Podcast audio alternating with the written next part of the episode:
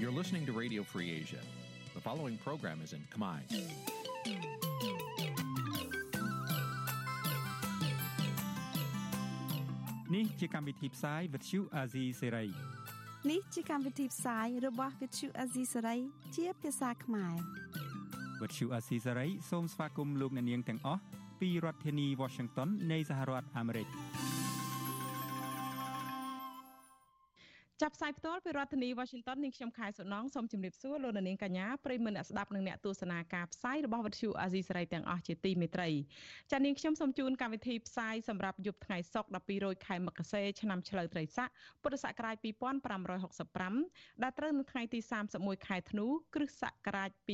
2021ចា៎នៅសល់តែប្រហែលម៉ោងទៀតប៉ុណ្ណោះនឹងឆ្លងចូលឆ្នាំថ្មីឆ្នាំ2022ចា៎ជាដំបូងនេះសូមអញ្ជើញលោកនាងស្ដាប់ព័ត៌មានប្រចាំថ្ងៃដែលមានមេត្តាដូចតទៅ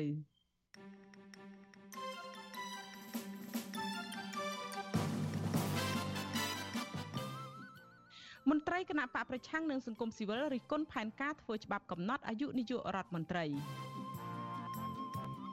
ចាអ្នកឃ្លាំមើលសង្គមជំរុញឲ្យរដ្ឋាភិបាលកម្ពុជាស្ដាប់យោបល់របស់មន្ត្រីអង្គការសហប្រជាជាតិក្នុងការដោះស្រាយវិបត្តិនៅភូមា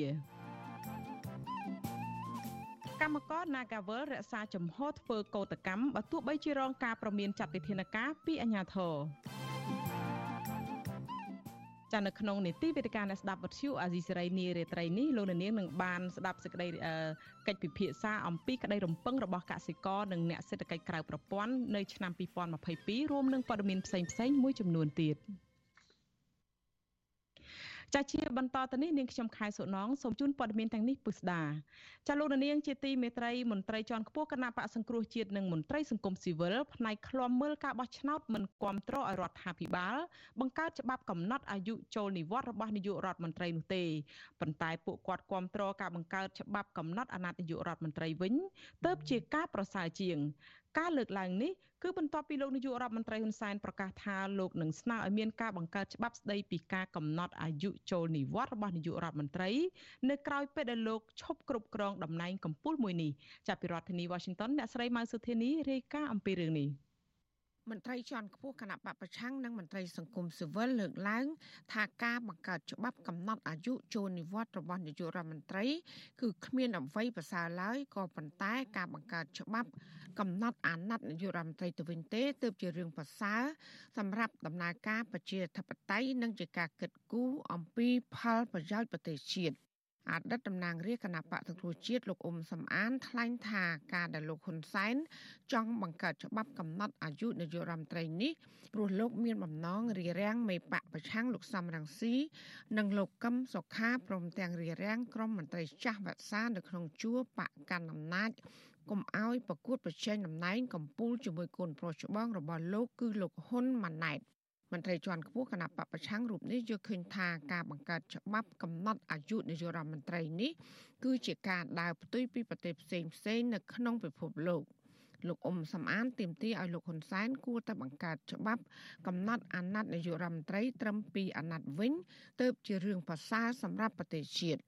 កាលណាយើងធ្វើច្បាប់កំណត់អាណត្តិនាយករដ្ឋមន្ត្រីធ្វើពីអាណត្តិវាមិនអោយអ្នកដែលជាប់ជានាយករដ្ឋមន្ត្រីហ្នឹងកាន់អំណាចផ្ដាច់ការធម្មតាមនុស្សយើងទៅកាន់អំណាចយូរកាន់អំណាចផ្ដាច់ការបពពួកនិយមក្រុមគូសានិយមដោយក្រុមគូសាលោកហ៊ុនសែនសពថ្ងៃហ្នឹងក៏កាន់អំណាចចិត្តមួយជីវិតដែរគេអញ្ចឹងវាធ្វើមានអំពើពុករលួយអំណាចផ្ដាច់ការជាបរិបទទៅធ្វើការនៅស្រុកគេនេះបពពួកនិយមឡើយលោកហ៊ុនសែនគាត់យកប្រទេសកម្ពុជាហ្នឹងជាជ័យភ័ណ្ឌរបស់គាត់ជាកម្មសិទ្ធិផ្ដាច់មុខរបស់ក្រុមគូសាគាត់ក្រុមគូសាតកូលហ៊ុនហើយក៏អញ្ចឹងគាត់ចង់ឲ្យមានការកាន់អំណាច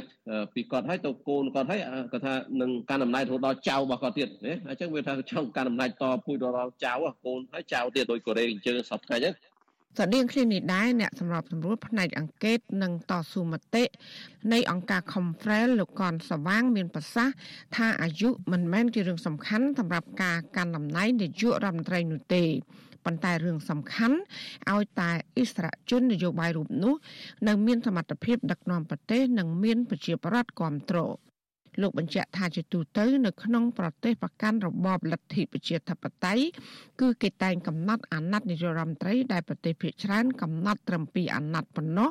ហើយក្នុងមួយអាណត្តិអាចមានរយៈពេល4ឆ្នាំទៅ5ឆ្នាំចាលោកយល់ថាការកំណត់អាណត្តិនាយករដ្ឋមន្ត្រីត្រឹមតែ2អាណត្តិនេះគឺជារឿងល្អសម្រាប់ដំណើរការប្រជាធិបតេយ្យទៅមុខនិងការអភិវឌ្ឍប្រទេសជាតិផងដែរ។ ចឹងបើបេក្ខជនយុរដ្ឋមន្ត្រីហើយបើសិនជាគាត់ជាប់រហូតមានន័យថាគាត់នៅតែយុរដ្ឋមន្ត្រីរហូតដល់អាយុ70អញ្ចឹងបានគាត់ផុតប៉ុន្តែបើអាណត្តិវិញវាមានប្រយោជន៍បែបម៉េចអាណត្តិវិញគឺមានន័យថាគាត់អាចធ្វើតែពីរអាណត្តិទេអញ្ចឹងកាលណាឈប់ពីពីរអាណត្តិគឺថាគាត់ត្រូវអស់អាណត្តិជានាយករដ្ឋមន្ត្រីហើយនៅក្នុងទូនទីដឹកនាំរដ្ឋាភិបាលអញ្ចឹងមានន័យថាកិច្ចការងារជារដ្ឋមន្ត្រីហ្នឹងគឺអាចមានចំនួនមួយទៀតណាអាចមានមនុស្សផ្សេងទៀតដែលមានគំនិតណាមានការដឹកនាំមានភាពឆ្នៃប្រឬក៏មានអ្វីដែលជាការប្រកួតប្រជែងទាំងក្នុងបកក៏ដោយទាំងនៅក្នុងគណៈបកយោបាយផ្សេងទៀតក៏ដោយគឺថាកាលណាបើមានការឆ្លាស់អញ្ចឹងគឺថាគេនឹងត្រូវត្រៀមទៅរៀបចំនៅក្នុងការប្រកួតប្រជែងសម្រាប់យកមកដាក់ធ្វើនាយករដ្ឋមន្ត្រីហ្នឹងហើយបាទការបញ្ចេញមតិប្រតិកម្មរបស់មន្ត្រីបកប្រឆាំងនិងមន្ត្រីសង្គមស៊ីវិល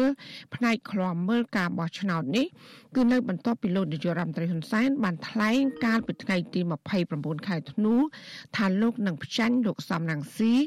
តាមរយៈការធ្វើច្បាប់កំណត់អាយុនាយករដ្ឋមន្ត្រីចូលនិវត្តន៍ឲ្យបានមុនពេលដែលលោកប្រកល់អំណាចឲ្យកូនប្រុសដែលអាចកើតឡើងនៅក្នុងឆ្នាំ2023លោកហ៊ុនសែនបញ្ជាក់ថាការកំណត់អាយុនាយករដ្ឋមន្ត្រីអាចដាក់ត្រឹម70ឆ្នាំទៅ72ឆ្នាំដើម្បីកុំឲ្យលោកសំរងស៊ីមានឱកាសធ្វើជានាយករដ្ឋមន្ត្រីពីព្រោះប្រធានស្ដីទីគណៈបកសង្គ្រោះជាតិរូបនេះមានអាយុ73ឆ្នាំទៅហើយ។ នៅពេលដែលខ្ញុំចាក់ចេញពីនាយករដ្ឋមន្ត្រីខ្ញុំនឹងសម្រេចបំណងដែលស្នើសុំហើយរៀបចំច្បាប់កំណត់អាយុចូលនិវត្តន៍របស់នាយករដ្ឋមន្ត្រីខ្ញុំនឹងធ្វើជូនឥឡូវណែឯងចាំបានអាយុប៉ុន្មានប្រាប់មកភាសាទៀតថ្ងៃមុនខ្ញុំឃើញគេបង្ហោះគេតែច្បាប់សេចក្ដីតែមួយសម្រាប់គ្រប់គ្រងស្ថាប័ន4មិនសំខាន់ទេ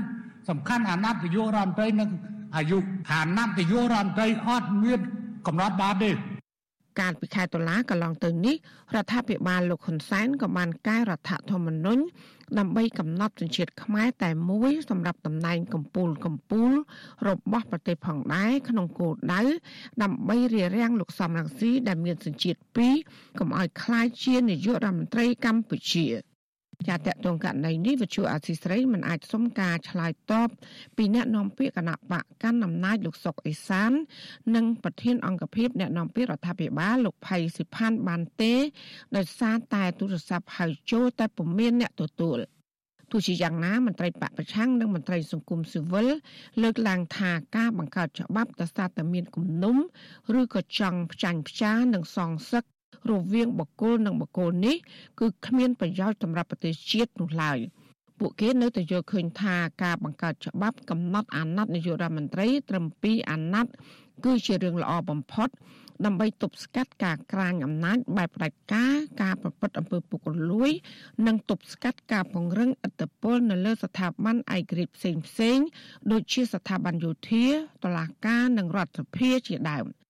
ចាននាងខ្ញុំម៉ៃសុធានីវិទ្យុអាស៊ីស្រីប្រធានាធិបតី Washington ចាលោកនាងកញ្ញាប្រិមមអ្នកស្ដាប់អ្នកទស្សនាការផ្សាយរបស់វិទ្យុអាស៊ីសេរីទាំងអស់ជាទីមេត្រីចាតកតងទៅនឹងសាររបស់អ្នកនយោបាយនៅបំណាច់ចុងឆ្នាំ2021នេះវិញ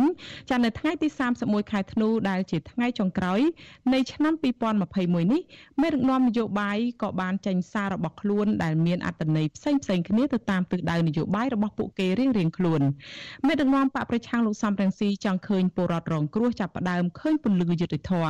រីឯលោកកឹមសុខាវិញនៅតែបន្តជំរុញឲ្យមានការបង្រួបបង្រួមជាតិចំណែកប្រធានបកកណ្ដាលអំណាចលោកហ៊ុនសែនវិញមិនទាន់ចេញសារអ្វីនោះទេប៉ុន្តែកូនប្រុសច្បងរបស់លោករំលឹកទៅកងទ័ពត្រូវអនុវត្តតាមសម្ដីរបស់លោកហ៊ុនសែននិងត្រូវបដូរផ្ដាច់ការពីរបបរាជានិយមនិងការពីព្រះមហាក្សត្រចាប់ពីរដ្ឋធានី Washington លោកជាតិចំណានរាយការណ៍ព័ត៌មាននេះប្រធានគណៈបកសង្គ្រោះជាតិលោកកឹមសុខាបានចេញសារអបអរនៃការឆ្លងឆ្នាំសកលថ្ងៃទី31ធ្នូ ថាការបង្រួបបង្រួមជាតិសាមគ្គីភាពជាតិជាកត្តានាំមកនូវឯករាជ្យថាបតេយ្យភាព និងអព្យាក្រឹតនុភាពជាតិលោកកឹមសុខាដែលត្រូវបានអាជ្ញាធររដ្ឋាភិបាលលោកហ៊ុនសែនបំបិតសិទ្ធិសេរីភាពផ្នែកនយោបាយបន្តទៀតថាយុត្តិធម៌ការគោរពសិទ្ធិមនុស្សនិងសេចក្តីថ្លៃថ្នូរជាមូលដ្ឋានគ្រឹះនៃសន្តិភាពស្ថិរភាពនិងវឌ្ឍនភាពជាតិរឹងមាំលោកលើកឡើងលើ Facebook ទៀតថាបរិយាកាសសង្គមជាតិប្រកបដោយសមធម៌សិលធម៌និងគុណធម៌ ជាពន្លឺសម្រាប់បង្ហាញផ្លូវដ៏ត្រឹមត្រូវនៃអនាគតអ្នកចំនួនក្រោយឲ្យទទួលបាននូវសុខដុមរមនាដោយមិនគុំគួនសងសឹកគ្នាចំណែកប្រធានស្ដីទីគណៈបកសង្គ្រោះជាតិលោកសំរងស៊ីវិញបានថ្លែងសារតាមរយៈកម្មវិធីផ្សាយវិទ្យុអេស៊ីសរ៉ៃកាលពីពេលថ្មីៗនេះថាសារជូនពររបស់លោកគឺសម្ដៅទៅពលរដ្ឋរងគ្រោះនិងពលរដ្ឋដែលឈឺចាប់ព្រោះការបាត់បង់ដីធ្លីលោកសង្ឃឹមថាពលរដ្ឋនឹងផុតរលត់ពីការជិះជាន់ធ្វើបាបនេះ។ ការជិះជាន់ការធ្វើបាបសូមឲ្យទុកសោករបស់បងប្អូន មានការធូរស្រាលធូរស្បើយសូមឲ្យបងប្អូនដែលរងគ្រោះដែលឈឺចាប់បានស្គាល់បានឃើញចាប់ផ្ដើមឃើញពន្លឺយុទ្ធធម៌នៅក្នុងឆ្នាំសកល2022នេះដោយឡែកមេដឹកនាំរដ្ឋាភិបាលលោកនាយករដ្ឋមន្ត្រីហ៊ុនសែនឯណោះវិញលោកមិនទាន់ចេញសារចុងឆ្នាំនៅឡើយទេគិតមកដល់ម៉ោងផ្សាយនេះប៉ុន្តែតំណងលោកទុកឱកាសឲ្យកូនប្រុសរបស់លោកគឺលោកហ៊ុនម៉ាណែត ដែលជាបេក្ខភាពនាយករដ្ឋមន្ត្រីរបស់គណៈបកប្រជាជនកម្ពុជាផ្ញើសារអបអរនៃការឆ្លងឆ្នាំសកលជំនួសលោកលោកហ៊ុនម៉ាណែតបានផ្ញើសារទៅប្រាប់កងកម្លាំងយោធាទាំងអស់ត្រូវបដូរផ្ដាច់ការពីរបបរាជានិយម ការពីរិទ្ធបល្ល័ង្កនិងការពីព្រះមហាក្សត្រឲ្យខាងតែបានមេបញ្ជាការកងទ័ពជើងគោករូបនេះបន្តទៀតថាការប៉ុនប៉ងផ្ដួលរំលំនិងការប្រមាថព្រះមហាក្សត្រមិនអាចលើកលែងបាននោះឡើយជុំវិញរឿងនយោបាយនេះដែរក្រុមអ្នកវិភាគលើកឡើងស្តីងគ្នាថា ឆ្នាំ2022ខាងមុខស្ថានភាពវិបត្តិនយោបាយនៅកម្ពុជានឹងមិនមានភាពល្អប្រសើរនោះឡើយព្រោះរដ្ឋាភិបាលលោកហ៊ុនសែននឹងបន្តប្រើអំណាចគៀបសង្កត់ពលរដ្ឋសកម្មជនសិទ្ធិមនុស្សបរិស្ថានទុនធានធម្មជាតិនិងសកម្មជននយោបាយបន្តទៀតដោយអ្វីដែលលោកហ៊ុនសែនបានធ្វើក្នុងរយៈពេលជាង4ឆ្នាំចុងក្រោយនេះអ្នកវិភាគនយោបាយដែលកំពុងភៀសខ្លួននៅប្រទេសហ្វាំងឡង់លោកកឹមសុខយល់ថាសារនយោបាយរបស់មេដឹកនាំនយោបាយគឺជាការបង្ហាញនៃការចង់បានរបស់អ្នកទាំងនោះ ទោះជាយ៉ាងណាលោកថាចំណុចសំខាន់គឺការប្រតិបត្តិនិងបញ្ជាក់ពីការពិតនៃទង្វើរបស់អ្នកនយោបាយទាំងនោះចំពោះសារអបអរឆ្នាំថ្មីរបស់លោកហ៊ុនម៉ាណែតវិញលោកកឹមសុខសង្កេតឃើញថាលោកហ៊ុនសែនឬលោកហ៊ុនម៉ាណែតបានព្យាយាមគៀបសង្កត់កងទ័ពមិនឲ្យបំពេញការងារដោយអព្យាក្រឹតដោយច្បាប់ចែងនោះឡើយដោយឡែកសារនយោបាយរបស់មេដឹកនាំបកប្រឆាំងលោកកឹមសុខយល់ថាជាការឆ្លុះបញ្ចាំងរឿងពិតដែលកំពុងកើតឡើងក្នុងសង្គមកម្ពុជា ដែលទាមទារឲ្យមានការដោះស្រាយ។ មិនមែនការពារប្រជាពលរដ្ឋជាម្ចាស់ប្រទេសទេក៏ប៉ុន្តែជាល្បិចល្បែងបំភាន់ប្រជារាស្ត្រធ្វើជាលេសដើម្បីប្រមូលកងកម្លាំងប្រដាប់អាវុធនិងមន្ត្រីរាជការសាធារណៈក្តោបជាប់នៅក្នុងកណ្ដាប់ដៃអំណាចរបស់ខ្លួន ប្រើប្រាស់នៅក្នុងការការពារអំណាចគ្រួសារត្រកូលហ៊ុនរបស់ខ្លួនប៉ុណ្ណោះអ្នកវិភាគរូបនេះយល់ថាដើម្បីអាចតទល់នឹងគណៈបកកណ្ដាលអំណាចបាន ក្រុមមេដឹកនាំបកប្រឆាំងត្រូវចេះធ្វើការរួមគ្នាត្រូវបំភ្លេចចោលរឿងចាស់ដែលឥតប្រយោជន៍រៀបចំបណ្ដាញអ្នកបន្តវេននិងរៀបចំផែនការយុទ្ធសាស្ត្រឆ្នាំថ្មីសម្រាប់តទល់នឹងគណៈបកប្រជាជនកម្ពុជាខ្ញុំបាទជាចំណាន Visual Assisray ពីរដ្ឋធានី Washington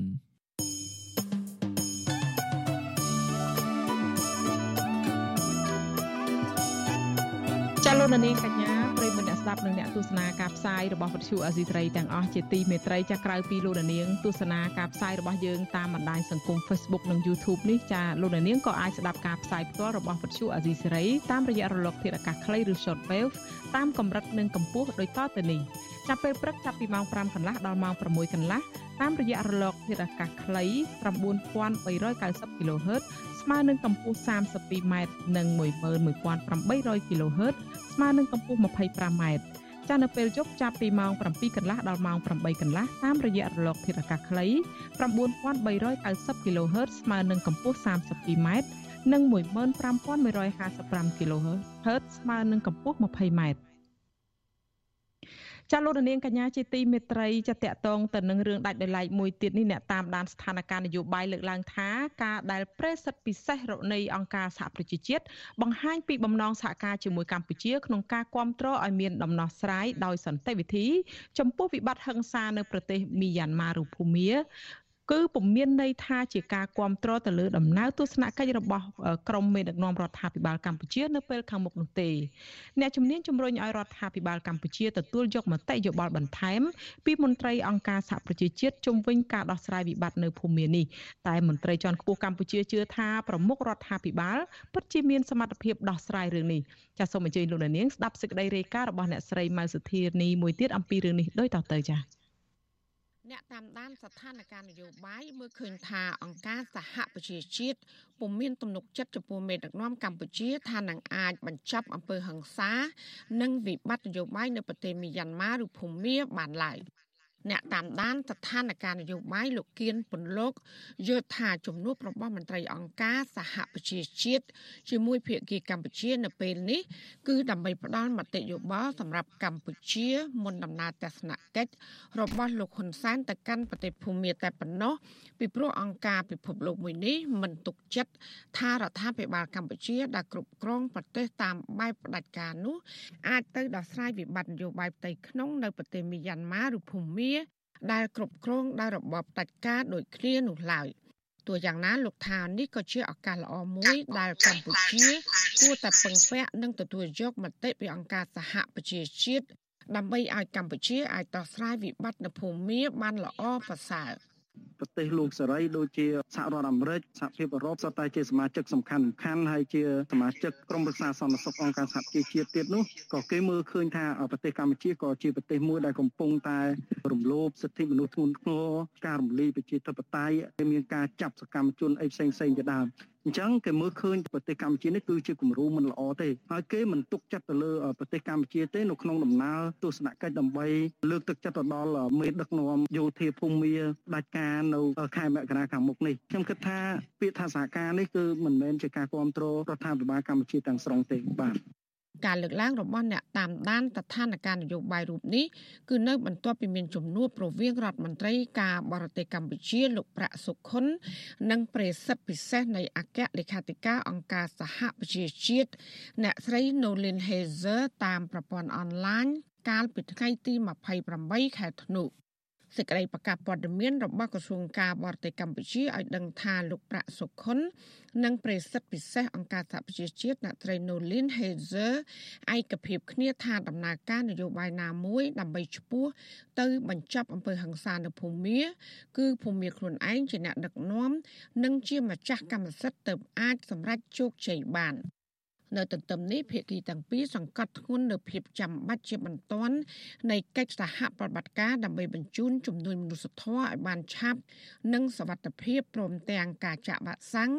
ដើម្បីទប់ស្កាត់ការរីករាលដាលនៃជំងឺ Covid-19 ជុំវិញរឿងនេះអ្នកនាំពាក្យរដ្ឋាភិបាលកម្ពុជាលោកផៃស៊ីផានប្រាប់វិទ្យុអសីស្រី នៅថ្ងៃទី31ខែធ្នូថាអង្គការសហប្រជាជាតិ កំពុងគ្រប់គ្រងដំណើរទស្សនកិច្ចរបស់លោកនាយករដ្ឋមន្ត្រីហ៊ុនសែនហើយលោកជឿថាកម្ពុជាពិតជាអាចដោះស្រាយវិបត្តិនយោបាយនៅភូមានោះបានជាការសម្រេចចិត្តមួយដ៏ត្រឹមត្រូវរបស់អង្គការវិជាតិព្រោះឯកតាបកិច្ចរបស់អង្គការជាតិគឺថែរក្សាសុខុមាលភាពរបស់ប្រជាពលរដ្ឋទាំងអស់ទៅលើโลกនេះដូច្នេះការដែលយើងវិតម្លៃខ្ពស់ ខ្ញុំទទួលព័ត៌មានគឺអង្គការសហជាតិនឹងបានទទួលគ្រប់គ្រងនៃដំណើរទស្សនកិច្ចរបស់សម្ដេចប៉ុន្តែមួយដែលខ្ញុំមិនទាន់មានព័ត៌មានតើអង្គការសហជាតិទៅជាមួយសម្ដេចឬក៏អត់ទាន់ទៅទេលោកនាយករដ្ឋមន្ត្រីហ៊ុនសែនក្រុងដឹកនាំគណៈប្រតិភូទៅបំពេញទស្សនកិច្ចនៅប្រទេសមីយ៉ាន់ម៉ាឬភូមាដើម្បីជួបជាមួយនឹងមេដឹកនាំរដ្ឋបហាយោធាលោកមីនអងលៀងនៅថ្ងៃទី7និងទី8ខែមករាសប្តាហ៍ក្រោយ។ ស្របពេលទស្សនកិច្ចទៅកាន់ប្រទេសភូមាកាន់តែជិតមកដល់នេះក្រមនិស្សិតនិងប្រជាប្រដ្ឋភូមាមួយចំនួនបានផ្ទុះកំហឹងដោយបានជន់ឈ្លីនិងដុតរូបថតលោកហ៊ុនសែននៅតាមទីសាធារណៈហើយដែលមជ្ឈដ្ឋានទូតយល់ថានេះគឺជាភាពអាម៉ាស់របស់រដ្ឋាភិបាលកម្ពុជាដែលចង់ទៅធ្វើទំនាក់ទំនងនិងលើកទឹកចិត្តដល់មេដឹកនាំរបបសឹកភូមាក្នុងការរឹតចំណងអំណាចផ្ដាច់ការរវាងកម្ពុជានិងភូមា ចាអ្នកនាំពាក្យក្រសួងការបរទេសកម្ពុជាលោកកុយគួងប្រាប់ក្រុមអ្នកសារព័ត៌មានក្នុងស្រុកថានៅព្រឹកថ្ងៃទី31ខែធ្នូនេះមានការបំផ្ទុះក្របបែកឆ្នៃចំនួន2គ្រាប់នៅក្បែរស្ថានទូតខ្មែរប្រចាំនៅភូមា ដោយក្នុងចំណោមក្របបែកទាំងពីរនោះ គឺមានមួយផ្ទុះនៅចម្ងាយត្រឹមតែ100ម៉ែត្រប៉ុណ្ណោះពីស្ថានទូតកម្ពុជាប៉ុន្តែមិនបង្កគ្រោះថ្នាក់ដល់មនុស្សណាម្នាក់ឬក៏មន្ត្រីទូតកម្ពុជា ដែលប្រចាំការនៅទីនោះឡើយ។ អាញាធិភូមិកំពុងដាក់កម្លាំងការពារបន្ថែមទៀតដើម្បីពង្រឹងសន្តិសុខទាំងនៅស្ថានទូតនិងនៅលំនៅឋានរបស់មន្ត្រីទូតកម្ពុជាទាំងអស់ សមាគមអាស៊ានបានសម្រេចមិនអនុញ្ញាតឲ្យមានដឹកនាំរបបសឹកភូមាចូលរួមកិច្ចប្រជុំកម្ពុជារបស់ខ្លួនជាបន្តបន្ទាប់ក្រោយមេដឹកនាំរដ្ឋប្រហារលោកមីនអងលៀងមិនព្រមបញ្ឈប់អំពើហិង្សាបន្ទាប់ពីលោក បានដឹកនាំធ្វើរដ្ឋប្រហារដណ្ដើមអំណាចពីគណៈបកឈ្នះឆ្នោតរបស់អ្នកស្រីអង្សានជូជីកាលពីខែកុម្ភៈឆ្នាំ2021 ចាប់តាំងពីខែកុម្ភៈរហូតដល់ដើមខែធ្នូឆ្នាំ2021យ៉ាងហោចណាស់មានប្រជាប្រដ្ឋភូមាជាង1300នាក់ក្នុងនោះរួមទាំងកុមារផងត្រូវបានគេសម្លាប់ នៅក្នុងហេតុការណ៍បង្ក្រាបរបស់ពួកយោធាលើក្រុមអ្នកតវ៉ាប្រឆាំងនឹងរដ្ឋប្រហារហើយមនុស្សប្រមាណ10000នាក់ទៀតត្រូវបានចាប់ខ្លួន។ អំពើហិង្សាលើប្រដ្ឋភូមិនេះនាំឲ្យសហគមន៍អន្តរជាតិជាពិសេសសហរដ្ឋអាមេរិកថ្កោលទោសនិងដាក់ទណ្ឌកម្មជាបន្តបន្ទាប់ទៅលើមេដឹកនាំរបបសឹកភូមិលោកមីនអងលៀងហើយបរិះខ្លាំងនៃប្រទេសភូមិរូបនេះក៏កំពុងប្រឈមទៅនឹងការចាប់ប្រកាន់ពីបទអក្រិតកម្មប្រឆាំងមនុស្សជាតិនៅតុលាការព្រហ្មទណ្ឌអន្តរជាតិ ICC ផងដែរចាននាងខ្ញុំម៉ៃសុធានីវិទ្យុអាស៊ីស្រីប្រធានាធិបតី Washington ចាលោកនាងកញ្ញាប្រិមមអ្នកស្ដាប់និងអ្នកទស្សនាការផ្សាយរបស់វិទ្យុអេស៊ីសេរីទាំងអស់ជាទីមេត្រីចាងាកមកខាងក្រមកសិករនិងអ្នកសេដ្ឋកិច្ចក្រៅប្រព័ន្ធឯនេះវិញពួកគាត់រំពឹងថានៅក្នុងឆ្នាំថ្មីឆ្នាំ2022រដ្ឋាភិបាលនឹងជួយដោះស្រាយបញ្ហាជីវភាពរបស់ពលរដ្ឋឲ្យបានល្អប្រសើរជាងឆ្នាំចាស់ចាប់ដើម្បីធានានៅការរស់នៅសមរម្យក្នុងស្ថានភាពលំបាកនេះមន្ត្រីជាន់ខ្ពស់រដ្ឋាភិបាលថារដ្ឋាភិបាលដាក់ចេញនូវគោលនយោបាយជួយស្ដារសេដ្ឋកិច្ចជាតិនិងជួយផ្ដល់ជំនួយសង្គមជាបន្តបន្ទាប់ហើយចាលោកនាងនឹងបានស្ដាប់សេចក្តីរាយការណ៍នេះពុស្ដានៅពេលបន្តិចទៀតនេះ។ ចាលោករនាងកញ្ញាជាទីមេត្រីតំណាងកសិករនិងអ្នកសេដ្ឋកិច្ចក្រៅប្រព័ន្ធសង្ឃឹមថាសេដ្ឋកិច្ចក្នុងឆ្នាំ2022ខាងមុខអាចមានភាពល្អប្រសើរខ្លះបើសិនជាវិបត្តិនៃការរីករាលដាលនៃជំងឺ Covid-19 អាចគ្រប់គ្រងបានហើយរដ្ឋាភិបាលមានការរៀបចំគោលនយោបាយនិងយកចិត្តទុកដាក់ដល់ពួកគាត់បានត្រឹមត្រូវចាតកតងទៅនឹងរឿងនេះយើងនឹងមាននីតិវេទិកាអ្នកស្ដាប់វិទ្យុអាស៊ីសេរីដែលនឹងជជែកដោយមានតំណាងពីខាងកសិករនិងអ្នកធ្វើការខាងផ្នែកសេដ្ឋកិច្ចក្រៅប្រព័ន្ធមកចូលរួមនៅក្នុងកិច្ចពិភាក្សានេះហើយប្រសិនជាលោកនាង មានជាសំណួរនិងមតិយោបល់ជំវិញបញ្ហានេះលោកអ្នកអាចដាក់លេខទូរស័ព្ទរបស់លោកអ្នកនៅក្នុងខ្ទង់ comment ឬក៏ប្រអប់សារ Messenger Facebook និង YouTube នៅក្នុងពេលដែលយើងកំពុងផ្សាយផ្ទាល់នេះហើយក្រុមការងាររបស់យើងនឹងហៅត្រឡប់ទៅលោកអ្នកនាងវិញហើយសូមលោកអ្នកនាងរងចាំស្ដាប់នីតិវេទិកាអ្នកស្ដាប់វិទ្យុអាស៊ីសេរីអំពីបញ្ហានេះនៅពេលបន្តិចទៀតនេះចា៎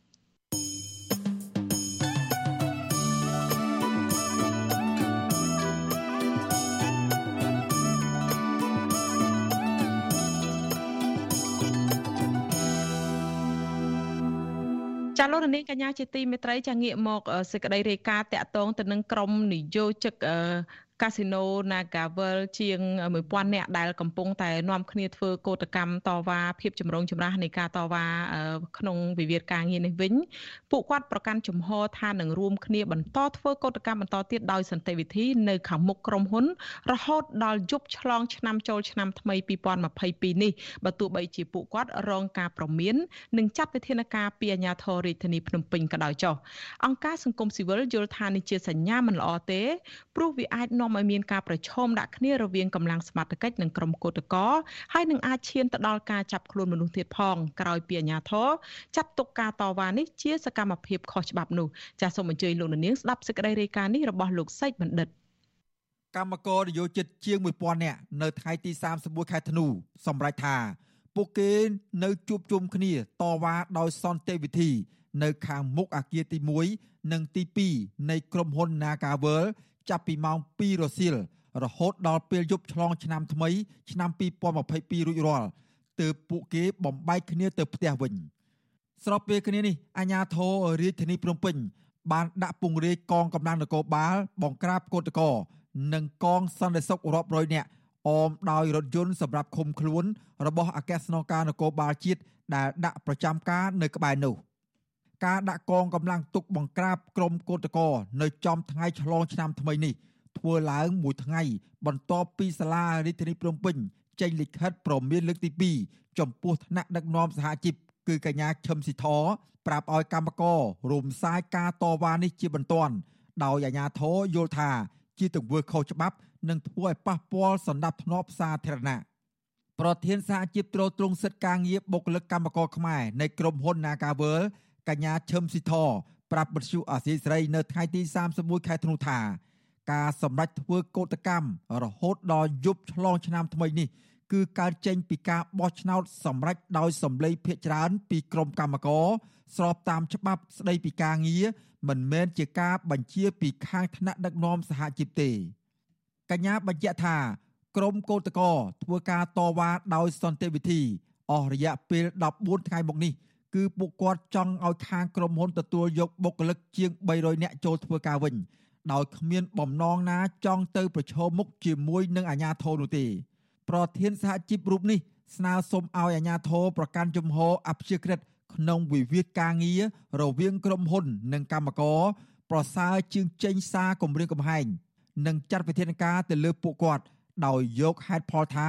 ជាសកម្មភាពខុសច្បាប់នោះ។ ឲ្យសាធារណជនមើលទៅថាតើចំណាត់ការរបស់អាជ្ញាធរនោះមកលើកម្មករនិយោជិកនឹងតើវាយុត្តិធម៌ឬក៏វាត្រឹមត្រូវឬក៏អត់បើយើងនិយាយពីការតាំងចិត្តរបស់ពួកគាត់គឺដោយតែពួកគាត់បានប្រកាសហើយជារៀងរាល់ថ្ងៃថាពួកគាត់នឹងធ្វើការតស៊ូមតិតាមរយៈកោតកម្មដោយអហិង្សានេះរហូតតតែមានដំណោះស្រាយមិនថាមានរឿងអីកើតឡើងទេពីព្រោះវាជាជំរើសចុងក្រោយតែមួយគត់បន្ទាប់ពីបរាជ័យនៅក្នុងការរកដំណោះស្រាយម្ដងជាពីរដងតាំងពីជាមួយនឹងការចរចាផ្ទៃក្នុងជាមួយក្រុមហ៊ុនរហូតដល់ក្រសួងការងាររហូតដល់សាលាក្រុងប៉ុន្តែគ្មានភាគីណាដែលផ្ដល់យុត្តិធម៌ឲ្យពួកគាត់បានវិទ្យុអាស៊ីសេរីនៅមិនទាន់អាចសុំការឆ្លើយបំភ្លឺតាក់ទងនឹងការដាក់កម្លាំងបង្ក្រាបកោតកម្មពីអ្នកនាំពាក្យសាលារាជធានីភ្នំពេញលោកមេតមាសភក្តីបានទេនៅថ្ងៃទី31ខែធ្នូដោយហៅទូរស័ព្ទចូលតែពុំមានអ្នកទទួលតាក់ទងនឹងរឿងរ៉ាវនេះអ្នកគ្រប់គ្រងកម្មវិធីសិទ្ធិការងារនៅអង្គការសង្ត្រាល់ លោកខុនតារ៉ូបង្ហាញការសោកស្ដាយចំពោះការលើកឡើងពីអាញាធររាជធានីភ្នំពេញដែលនៅតែចាត់ទុកថាការធ្វើកោតកម្មដោយសន្តិវិធីនេះជាការធ្វើបាតកម្មខុសច្បាប់លោកបន្តថានេះជាសញ្ញាមិនល្អឡើយព្រោះអាញាធរអាចនឹងចាត់វិធានការបំបែកការតវ៉ានៅខាងមុខក្រុមហ៊ុន Nagavel នេះនៅពេលណាមួយលោកស្នើសុំឲ្យអាញាធរមានសមត្ថកិច្ចបន្តរក្សាសន្តិសុខនិងសុវត្ថិភាពជូនកម្មករដោយធ្លាប់ធ្វើកន្លងមក ព្រោះនេះជាការធ្វើកោតកម្មដោយសន្តិវិធីលោកយល់ថាអ្នកដែលមានអធិបុលអាចដាក់សម្ពាធឲ្យក្រុមហ៊ុនព្រមដោះស្រាយបញ្ចប់វិវាទការងារមួយនេះគឺមានតែប្រមុខរដ្ឋាភិបាលតែប៉ុណ្ណោះមកដល់ពេលនេះក្រសួងការងារដូចជាមិនមានអំណាចអធិបុលនៅក្នុងការបង្ខំឬក៏បង្គាប់បញ្ជាទៅខាងក្រុមហ៊ុនដើម្បីឲ្យធ្វើការសម្រេចចិត្តទេហើយយើងដឹងហើយថា Naga នេះគឺជាក្រុមហ៊ុនមួយដែលមានអធិបុល កន្លងមកហ្នឹងអញ្ចឹងអ្វីដែលខ្ញុំអាចមើលឃើញលុះត្រាតែមានអតិពលជំរុញណាមួយដើម្បីឲ្យមានការសម្រេចចិត្តនៅក្នុងការអាកាត់នៅវិវាទការងារនេះហើយខ្ញុំមើលឃើញថាมันមានអីក្រៅពីនាយករដ្ឋមន្ត្រីទេដែលលោកអាចមានសិទ្ធិអំណាចនៅក្នុងការអាកាត់នៅវិវាទការងារនេះសហជីពប្រចាំក្រុមហ៊ុន Nagavel ឲ្យដឹងថាខាងក្រុមហ៊ុននៅតែគ្មានឆន្ទៈពិតប្រាកដចង់ដោះស្រាយបញ្ចប់វិវាទការងារដ៏រ៉ាំរ៉ៃមួយនេះឡើយ ទោះបីជាមានការសម្របសម្រួលពីសាលារាជធានីភ្នំពេញនិងក្រសួងការងារដោះស្រាយរឿងនេះ5លើកមកហើយយ៉ាងណាក៏ដោយសហជីពបញ្ជាក់ថាក្រុមហ៊ុនបនលបែងមួយនេះនៅតែមានបំណងចង់រំលាយថ្នាក់ដឹកនាំសហជីពចេញពីកន្លែងធ្វើការឲ្យខាងតែបាន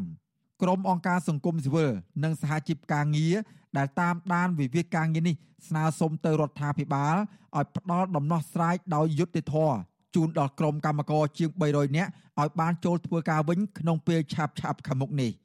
ខ្ញុំបាទសេកបណ្ឌិតវិទ្យុអាស៊ីសេរីពីរដ្ឋធានីវ៉ាស៊ីនតោន ចាលោកនាងកញ្ញាជាទីមេត្រីចាតកតងទៅនឹងវិវាទការងារនៅក្រុមហ៊ុន Casino Nagavel នេះដែរចាយើងមានសម្ភាសមួយចាជាមួយនឹងលោកជាមន្ត្រីគ្រប់គ្រងកម្មវិធីសិទ្ធិការងារនៃអង្គការសង្ត្រាល់លោកខុនថារ៉ូដែលលោកចូលមកសម្ភាសបន្ថែមជាមួយយើងតាមទូរស័ព្ទនៅក្នុងពេលនេះចាហើយនឹងខ្ញុំសូមជម្រាបសួរលោកខុនថារ៉ូចាបាទជំរាបសួរលើខ្ញុំច្បាស់ទេបាទចាលើច្បាស់ហើយចា ចាចាលោកលោកនាងជាទីមេត្រីចាតកតងទៅនឹងការដែលយើងអញ្ជើញលោកខុនថារ៉ូមកសម្ភារបន្ថែមអំពីរឿងនេះនឹងគឺថានៅក្នុង ប្រហែលថ្ងៃនេះគឺខាងមន្ត្រីអង្គការសង្គមស៊ីវិលបានដែលតាមដានឃ្លាំមើលសកម្មភាពការតវ៉ារកដំណោះស្រាយការងារពីខាងក្រុមហ៊ុន Casino Nagavel នោះគឺខាងសង្គមស៊ីវិលឯនេះវិញគឺបាននាំគ្នាធ្វើយុទ្ធនាការបង្ហោះសារតាមបណ្ដាញសង្គម Facebook ដើម្បីទាមទារឲ្យក្រុមហ៊ុន Nagavel នឹងបញ្ឈប់ការរើសអើងគ្រប់ទម្រង់ទៅលើសហជីពហើយចូលតុចរចាមកពិភាក្សាដោះស្រាយបញ្ចប់វិវាទដ៏រ៉ាំរ៉ៃនេះទៅវិញចាស់ហើយយុទ្ធធនាការនេះគឺមានបំណងចង់ឲ្យសាធារណជនទូទៅទាំងកម្មករសហជីពគ្រប់វិស័យទាំងអស់នឹងចូលរួមគ្រប់គ្រងលើកទឹកចិត្តដល់កម្មករនយោជិត Nagawal ជាង1000នាក់ដែលកំពុងតែធ្វើកោតកម្មដោយលោកនាងបានស្ដាប់សេចក្តីរាយការណ៍របស់លោកសេងមនិតមុននេះអញ្ចឹងចានាងខ្ញុំជាបឋមចង់ ជំរាបសួរទៅលោកខុនថារ៉ូមុននឹងយើងជជែកអំពីការធ្វើយុទ្ធនាការនេះចាគឺថាលោកថារ៉ូបានដឹងហើយថាក្នុងរយៈពេលម្សិលមិញនឹងមកដល់ថ្ងៃនេះនឹងគឺមានប្រតិកម្មពីខាងអាជ្ញាធរសមត្ថកិច្ចក៏ដូចជាខាងរដ្ឋាភិបាលរដ្ឋបាលរាជធានីភ្នំពេញនឹងចោទប្រកាន់កញ្ញាឈឹមស៊ីធដែលជាប្រធានសហជីពនឹងហើយនឹងបុគ្គលិក Nagawal មួយចំនួនទៀតនឹងថាបានធ្វើសកម្មភាពសម្ដែងមតិនឹងខុសច្បាប់ ចាស់ហើយខុសច្បាប់នឹងគឺតាក់ទងទៅនឹងការថាប៉ះពាល់ទៅដល់ទ្រព្យសម្បត្តិសាធារណៈសន្តិសុខសុវត្ថិភាពអីចឹងជាដើមហើយក៏មិនបានចូលរួមទប់ស្កាត់ការរីករាលដាលនៃជំងឺ Covid-19 អីចឹងជាដើមហើយរយៈពេល2សប្តាហ៍គត់គឺកន្លះខែទៅហើយមិនទាន់មានដំណោះស្រាយអីទេអ្វីដែលពួកគាត់ចេញតវ៉ានេះតើលោកថារ៉ូយល់ឃើញយ៉ាងម៉េចដែរចំពោះប្រតិកម្មរបស់ខាងអាជ្ញាធរហើយមិនទាន់មានដំណោះស្រាយចំពោះការតវ៉ារបស់ក្រុមកម្មករនេះចា៎ បាទមុននេះបន្តិចខ្ញុំក៏ឃើញមាននៅសេចក្តីជូនដំណឹងរបស់រដ្ឋបាលសាលារាជធានីភ្នំពេញក៏បានចេញនៅការអំពាវនាវម្ដងទៀតតកតងទៅនឹងការធ្វើកោតកម្មដោយសន្តិវិធីរបស់បងប្អូនកម្មករនិយោជិតនៅក្រុមហ៊ុន Nagawal ការចេញសេចក្តីជូនដំណឹងនេះគឺមិនខុសពីការ ចេញនៅសេចក្តីជូនដំណឹងលើកមុនមុនទេដោយគាត់ចោទប្រកាន់ថាការធ្វើកោតកម្មដោយសន្តិវិធីនេះគឺជាការ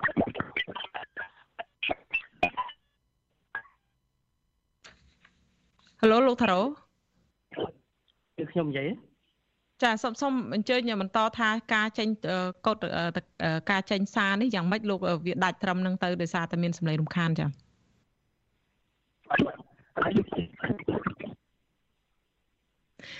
ចាប់ប្រហែលប្រព័ន្ធទូរស័ព្ទពីខាងលោកថារ៉ូមានការលំបាកយើងពិបាកក្នុងការស្ដាប់សុំលោកថារ៉ូអាចព្យាយាមម្ដងទៀតបានទេចាឬឬខ្ញុំឥឡូវឬខ្ញុំនិយាយចាចាឮហើយចាសូមជើញចាបាទបាទអូខេហ្នឹងហើយថ្មីថ្មីនេះមុននេះបន្តិចក៏ខ្ញុំឃើញនៅសេចក្តីជូនដំណឹងរបស់សាលារាជធានីភ្នំពេញជាថ្មីម្ដងទៀត ក្នុងការដែលលើកឡើងនឹងចោតប្រកាន់ទៅនឹងការធ្វើកោតកម្មរបស់បងប្អូនកម្មករយុជិតនៅ Nagawal នេះថាជាការជាការធ្វើបាតកម្មដោយដោយខុសច្បាប់ហើយវាធ្វើឲ្យប៉ះពាល់ទៅដល់សន្តិភាពសាធារណៈខណៈពេលដែលរាជរដ្ឋាភិបាលក៏ដូចជាមហាជនទូទៅកំពុងតែរៀបចំនៅកម្មវិធីឆ្លងឆ្នាំសកលនេះអញ្ចឹងការ ការចេញនៅសេចក្តីជូនទៅនឹងអំពាវនាវជាលើកទី2នេះវាបង្ហាញអំពីទម្រង់មួយដែលមានលក្ខណៈគម្រាមកំហែងទៅដល់ការធ្វើកុតកម្មដោយសន្តិវិធីរបស់បងប្អូនកម្មករយុទ្ធដើម្បីទាមទារនៅលក្ខខណ្ឌនិងដំណោះស្រាយសមរម្យជាមួយនឹងនយោជកអត់ឡែកបើសិនជាយើងពិនិត្យមើលទៅនឹងស្ថានភាពនិងតតិភាពជាក់ស្ដែងក្នុងរយៈពេលនៃការធ្វើកោតកម្មជាង មួយសប្តាហ៍មកនេះជាង10ថ្ងៃមកនេះខ្ញុំសង្កេតឃើញថាបងប្អូនកម្មករនិយោជិតហ្នឹងគាត់បានប្រើប្រាស់នៅសិទ្ធិជាមូលដ្ឋានរបស់គាត់ដោយធ្វើការតវ៉ាទាមទារដោយអហិង្សាហើយនេះគឺជាគោលការណ៍មួយដែលយើងមិនដែលធ្លាប់ឃើញពីមុនទេដែលដែលកម្មករនិយោជិតគាត់បានអនុវត្តនៅសិទ្ធិជាមូលដ្ឋានរបស់គាត់ដោយអនុវត្តទៅតាមនីតិវិធីត្រឹមត្រូវទៅតាមផ្លូវច្បាប់ តែអ្វីដែលយើងមើលឃើញមកដល់ពេលនេះមិនទាន់មានដំណោះស្រាយសមរម្យនៅឡើយខណៈពេលដែលយើងសង្កេតឃើញថាសម្បីតែក្រសួងការងារនិងអាជ្ញាធរពាក់ព័ន្ធមានការសម្របសម្រួលជាលើកជាច្រើនលើកច្រើនសារក៏ដោយប៉ុន្តែយើងឃើញថាដំណោះស្រាយមិនមានអធិបុលណាមួយឬក៏មានអំណាចណាមួយទៅលើក្រុមហ៊ុនដែលមានអធិបុលនិងមានសិទ្ធិផ្ដាច់មុខក្នុងការប្រើប្រតិបត្តិការការរកស៊ីអឺ បនលបាយនៅក្នុងប្រទេសកម្ពុជាអញ្ចឹងយើងអឺទម្រង់មួយទៀតដែលយើងមើលឃើញតែនោះគណៈពេលដែលបងប្អូនកម្មករយុជិតគាត់ធ្វើកោតកម្មនេះទាំងសាលារដ្ឋាភិបាលភ្នំពេញទាំងអាជ្ញាធរមានការចោទប្រកាន់មានការលេបពណ៌ហើយយើងមើលឃើញទម្រង់នេះមិនល្អទេក្នុងនាមជាអាជ្ញាធរពាក់ព័ន្ធដែលហាក់ដូចជាមានទំនោរទៅខាងក្រុមហ៊ុនហើយมันមានចំហនៅកណ្ដាលក្នុងការដោះស្រាយវិវាទខាងមុខនេះ ហើយបើសិនជាយើងមើលអឺរយៈពេលនៃការអូសបន្លាយនៃវិវាទការងារនេះវាកាន់តែយូរទៅយូរទៅហើយអាហ្នឹងគឺវានឹងជះឥទ្ធិពលខ្លាំងនិងឥទ្ធិពលខ្លាំងទៅដល់ប្រយោជន៍ផ្នែកសេដ្ឋកិច្ចរបស់កម្មករនិយោជិតហើយវានឹងបង្កើតនៅភាពអយុត្តិធម៌កាន់តែច្រើនឡើងច្រើនឡើងសម្រាប់កោតក្រនឹងជះឥទ្ធិពលរូបភាពមិនល្អទេទៅរាជរដ្ឋាភិបាលវាអាចស្ដែងឲ្យចេញឲ្យឃើញថាវាជាការអសមត្ថភាពមួយនៅក្នុងការប្រើប្រាស់យន្តការនៃការដោះស្រាយវិវាទ រវាងកម្មករនិយោជិតជាមួយនឹងក្រុមហ៊ុនដ៏ធំមួយនេះហើយចំនួនយើងអាចចោទសួរថាតើវាមានអ្វីនៅពីក្រោយខ្នងនៃនៃរវាងអាជ្ញាធរហើយនិងក្រុមហ៊ុនចាលោកថារ៉ូតកតងនឹងបញ្ហានេះខ្ញុំទៅបានទទួលព័ត៌មានពីកញ្ញាឈឹមស៊ីធតាមពិតទៅមុននេះគឺខ្ញុំបានអញ្ជើញកញ្ញាឈឹមស៊ីធថានឹងចូលមក វិភាសាខ្លីទេសម្ភាសខ្លីទេអំពីថាស្ថានភាពពួកគាត់ដែលជួបជុំតវ៉ារហូតដល់ឆ្លងឆ្នាំនេះតើមានការព្រួយបារម្ភអីបែបណា នៅពេលដែលមានប្រតិកម្មពីខាងអាជ្ញាធរអីបែបនេះប៉ុន្តែស៊ីធគាត់បានឆ្លើយតបមកវិញហ្នឹងគាត់មិនអាចចូលបានវិញនៅក្នុងនីតិចុងក្រោយមិញបន្តិចហ្នឹងគឺថាឥឡូវហ្នឹងមានការដាក់កម្លាំងពាត់ទីស្នាក់ការសហជីពរបស់គាត់ហើយមានថ្នាក់ដឹកនាំនិងបុគ្គលិករបស់គាត់នៅទីនោះហើយគាត់កំពុងតែមានការព្រួយបារម្ភតើលោកថារ៉ូមានបានទទួលព័ត៌មាននេះទេហើយមានការយល់ឃើញនឹងការព្រួយបារម្ភយ៉ាងម៉េចដែរចំពោះអ្វីដែលជាសកម្មភាពដែលពួកគាត់កំពុងតែតវ៉ាសម្ដែងមតិដោយសន្តិវិធីឥឡូវมันមានដំណោះស្រាយហើយបែរជាមានចំណាត់ការបែបនេះចឹងទៅវិញចា៎ខ្ញុំបានទទួលព័ត៌មានចុងក្រោយនេះទេប៉ុន្តែ ខ្ញុំគិតឃើញថាលោកថារ៉ូខ្ញុំខ្ញុំស្ដាប់លោកថារ៉ូមិនបានទេដោយសារតែប្រព័ន្ធទូរស័ព្ទអាចលោកទៅព្យាយាមមានប្រសាសន៍ម្ដងទៀតបើសិនជាមិនបានទេយើងប្រហែលជាមិនអាចបន្តកិច្ចពិភាក្សាសុំសុំលោកថារ៉ូអាចព្យាយាមមានប្រសាសន៍ម្ដងទៀតមើលចាបាទលឺលឺច្បាស់ទេបាទចាលឺលឺច្បាស់វិញចា ចាសូមសង្ខេបចាវាគឺជាទម្រង់នៃការគម្រាមកំហែងទៅដល់ប្រជាជនសមាជិកសហជីពដែលគាត់ចូលរួមធ្វើកោតកម្មដោយសន្តិវិធីហើយនៅក្នុងរយៈពេលជាង10ថ្ងៃមកនេះយើងសង្កេតឃើញថាអាជ្ញាធរដែលមានឯកសន្តានស៊ីវិលហើយនិងក្រុមអ្នកដែលមិនស្គាល់មុខចម្លាញ់មុខជាច្រើនដែលគាត់ព្យាយាមនៅក្នុងការតាមដានធ្វើការអង្កេតការថតរូបថតវីដេអូហើយនឹងមានការតាមទៅដល់ទីតាំងទីកន្លែងផ្ទះជួលរបស់ សកម្មជនថ្នាក់ដឹកនាំសាច់ហើយតម្រងនេះយើងគិតថាវាជាការគម្រាមកំហែងធ្ងន់ធ្ងរទៅដល់សន្តិសុខឯកជនផ្ទាល់ខ្លួនរបស់តំណាងកម្មករនិយោជិតហើយនិងសហជីពដែលគាត់ចូលរួមនៅក្នុងការធ្វើកោតកម្មដោយដោយសន្តិវិធីខ្ញុំគិតថាអាជ្ញាធរគួរតែប្រើប្រាស់នៅនៅនៅលទ្ធភាពនៅក្នុងការស្វាស្វែងឬក៏ធ្វើការសម្របសម្រួលជាជាង ការប្រើប្រាស់នៅទម្រង់នៃការគម្រាមកំហែងដូចជា ការប្រើប្រាស់នៅទម្រង់នៃការដាក់ពង្រាយកងកម្លាំងមានសមត្ថកិច្ចការប្រើប្រាស់នៅឡានទ្រុងជាដើមនៅក្នុងការបើកបរនៅក្នុងជុំវិញនៃកន្លែងទីតាំងដែលកម្មករយោជិតគាត់ធ្វើកតកម្មនេះអញ្ចឹងតម្រង់នៃការគម្រាមកំហែងដោយដោយប្រយោជន៍បែបនេះខ្ញុំគិតថាវាវានឹងជះឥទ្ធិពលខ្លាំងជាពិសេសទៅដល់រាជរដ្ឋាភិបាលហើយនាការវល់នេះមិនមែនជាលើកទី1ទេដែលនាការវល់នេះបានប្រើប្រាស់នៅឥទ្ធិពលរបស់ខ្លួននៅក្នុងការបណ្ដេញបញ្ឈប់ថ្នាក់ដឹកនាំសហជីពក៏ដូចជាទម្រង់នៃការរើសអើងសហជីពនៅក្នុងរយៈពេលប្រមាណជាជាង10ឆ្នាំចុងក្រោយនេះអញ្ចឹងការបន្តនៃការធ្វើទុកបុកម្នេញទាំងឡាយទៅដល់ថ្នាក់ដឹកនាំសហជីពដែលគាត់បានប្រើប្រាស់សិទ្ធិជាមូលដ្ឋានស្របច្បាប់នៅក្នុងការការពារប្រយោជន៍ផ្នែកសេដ្ឋកិច្ចហើយនឹងសិទ្ធិរបស់ពួកគាត់នេះវាវាត្រូវមានការធានាអញ្ចឹងកន្លងមកនេះ រាជរដ្ឋាភិបាលក៏ទទួលបាននៅបណ្ដឹងបណ្ដឹងពី